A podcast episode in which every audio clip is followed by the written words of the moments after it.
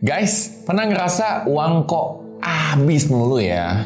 Kebutuhan kayaknya nggak pernah selesai-selesai nih. Ada aja. Nah, bisa jadi Anda kena tipu strategi marketing ini. Langsung aja, ini dia cara marketing untuk buat uang Anda habis plus plus plus.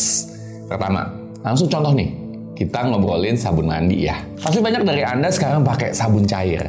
Padahal kalau kita pikir-pikir, orang tua Anda pakai sabun batangan juga nggak masalah. Lebih awet lagi, sabun batangan satu hitungannya masih ribuan perak. Sabun cair nyari yang belasan ribu aja kayaknya udah susah deh. Nah bisa kebayang dong omset dan keuntungan bisa naik berapa persen? Beda jauh guys. Nah ini yang namanya edukasi marketing. Dididik, diulang-ulang bahwa sabun cair lebih bagus lebih bergengsi, lebih melembabkan, bla bla bla dan seterusnya. Padahal ya mandi pakai sabun batangan juga tetap aja bersih sih. Jadi tujuannya apa? Upsell alias jual lebih mahal. Apalagi strategi lainnya ya. Nama kerennya plan obsolescence. Artinya taktik buat barang jadi nggak awet. Atau kalau dilihat nggak keren lagi dan perlu diganti. Gini-gini. Contoh gampang ya. Zaman dulu HP tuh baterainya bisa diganti. Rusak baterai atau baterai bocor, ya ganti baterainya aja. Sekarang nggak bisa guys, kebanyakan udah nyatu. Bukan di HP aja ya, laptop juga. Baterai kan ada umurnya, Anda juga tahu kan, paling 2 tahun lah. Setelah 2 tahun bocor atau mulai mulai nggak kuat gitu, dan karena bocor jadi mulai nyebelin, akhirnya apa? Paksa ganti HP, ganti laptop. Padahal masih bagus. Kalau tetap ngotot, HP juga bisa tiba-tiba lemot tuh. Padahal speknya masih oke.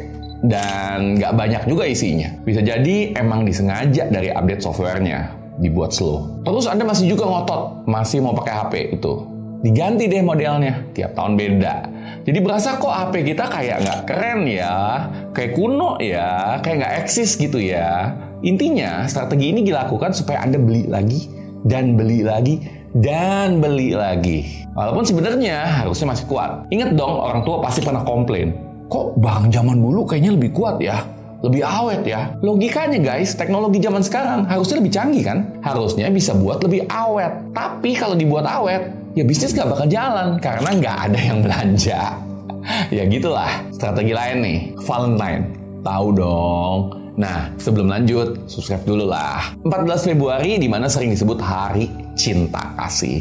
Yang kalau Anda sebagai pria nggak bawa coklat, bunga, dan kartu ucapan, bisa jadi Anda akan langsung dijutekin oleh pasangan Anda. Karena nggak dianggap romantis, nggak dianggap sayang di hari Valentine. Tapi tahu nggak sih Anda sebenarnya sejarah Valentine itu apa? Dan sejarahnya sebenarnya nggak seromantis seperti yang dibayangin di modern Valentine sekarang. Kalau ditarik ke zaman Romawi, ada sebuah festival, festival kesuburan di bulan Februari yang um, menggunakan kambing dan darah. Ya, di cerita lain, Saint Valentine berasal dari seorang pendeta bernama Valentine yang dihukum mati. Sayangnya, cerita ini nggak bisa dibuktikan. Valentine menjadi Valentine yang kita kenal sekarang karena sebuah perusahaan bernama Hallmark yang menjual kartu ucapan Valentine. Apa yang dilakukan adalah mengedukasi tentang hari cinta kasih. Perusahaan lain juga ikut-ikutan dengan mengikuti tren ini.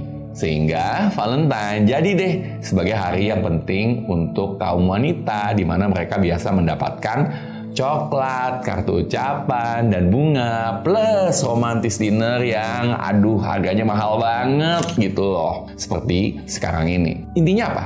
Jualan, omset, uang. Apalagi strategi yang lain? Bisa dibilang strategi yang lain adalah mengatasnamakan lingkungan atau sesuatu yang bersifat mulia, kebaikan dengan tujuan apa? menguntungkan bisnis.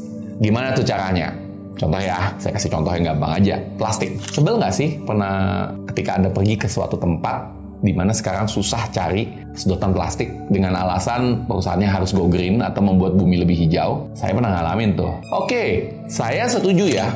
Plastik emang nggak bersahabat untuk bumi. Tapi kalau kita bicara sedotan plastik, menurut dokumenter dari CIS piracy, menurut mereka hanya bertotal 0,03% dari jumlah polusi plastik di laut.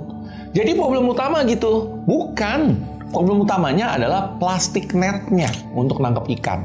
Faktanya, 46% sampah di Laut Utara isinya apa? fishing net. Dan fishing net itu telah membunuh 300 ribu lumba-lumba dan paus setiap tahunnya. Contoh lain nih tentang plastik. Saya ambil hmm, mobil elektrik yang sekarang dibilang ramah lingkungan.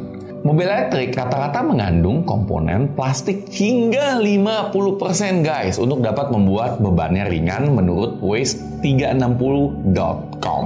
Nah, menarik kan? Tapi kenapa sih yang di ngomongin adalah plastic straw. Itulah dunia. Strategi terakhir nih. Strategi ini adalah membuat Anda sulit bahagia kalau tidak membuang uang. Namanya the happiness trap. Caranya dilakukan dengan sosmed, edukasi marketing yang menunjukkan bahwa memiliki barang mewah, liburan, healing, dan seterusnya akan membuat bahagia. Dan baru happy ketika Anda sukses. Di mana hmm, suksesnya sendiri juga nggak jelas ukurannya dan nggak akan bisa tercapai kalau terus dibanding-bandingkan. Menariknya, menurut psikologis dan penulis Sean Eckhart, happy harus datang dulu sebelum Anda sukses. Jadi kebalik nih. Alasannya apa? Karena emosi positif yang ada akan membuat otak lebih jalan, lebih kreatif, lebih punya energi, lebih mau kerja, dan tentunya akan menarik energi positif di sekitar dan orang yang happy akan lebih produktif daripada yang gak happy. Jadi jangan susah-susah untuk happy guys. So, kalau Anda nggak bersyukur, nggak happy karena merasa gagal, Ya bisa jadi bukan karena Anda beneran gagal, tapi karena desain untuk merasa gagal atau nggak happy. Pesan saya, be happy, bersyukur, terus belajar, gaul, dan subscribe channel dan nonton konten yang positif. Serta waspadalah, di mana banyak cara guys untuk membuat kantong Anda bolong dan merasa menderita. Jika bermanfaat, silahkan share, komen, dan like. Kasih jempol, jangan sampai lupa. Saya Coach Chandra, salam miliarder.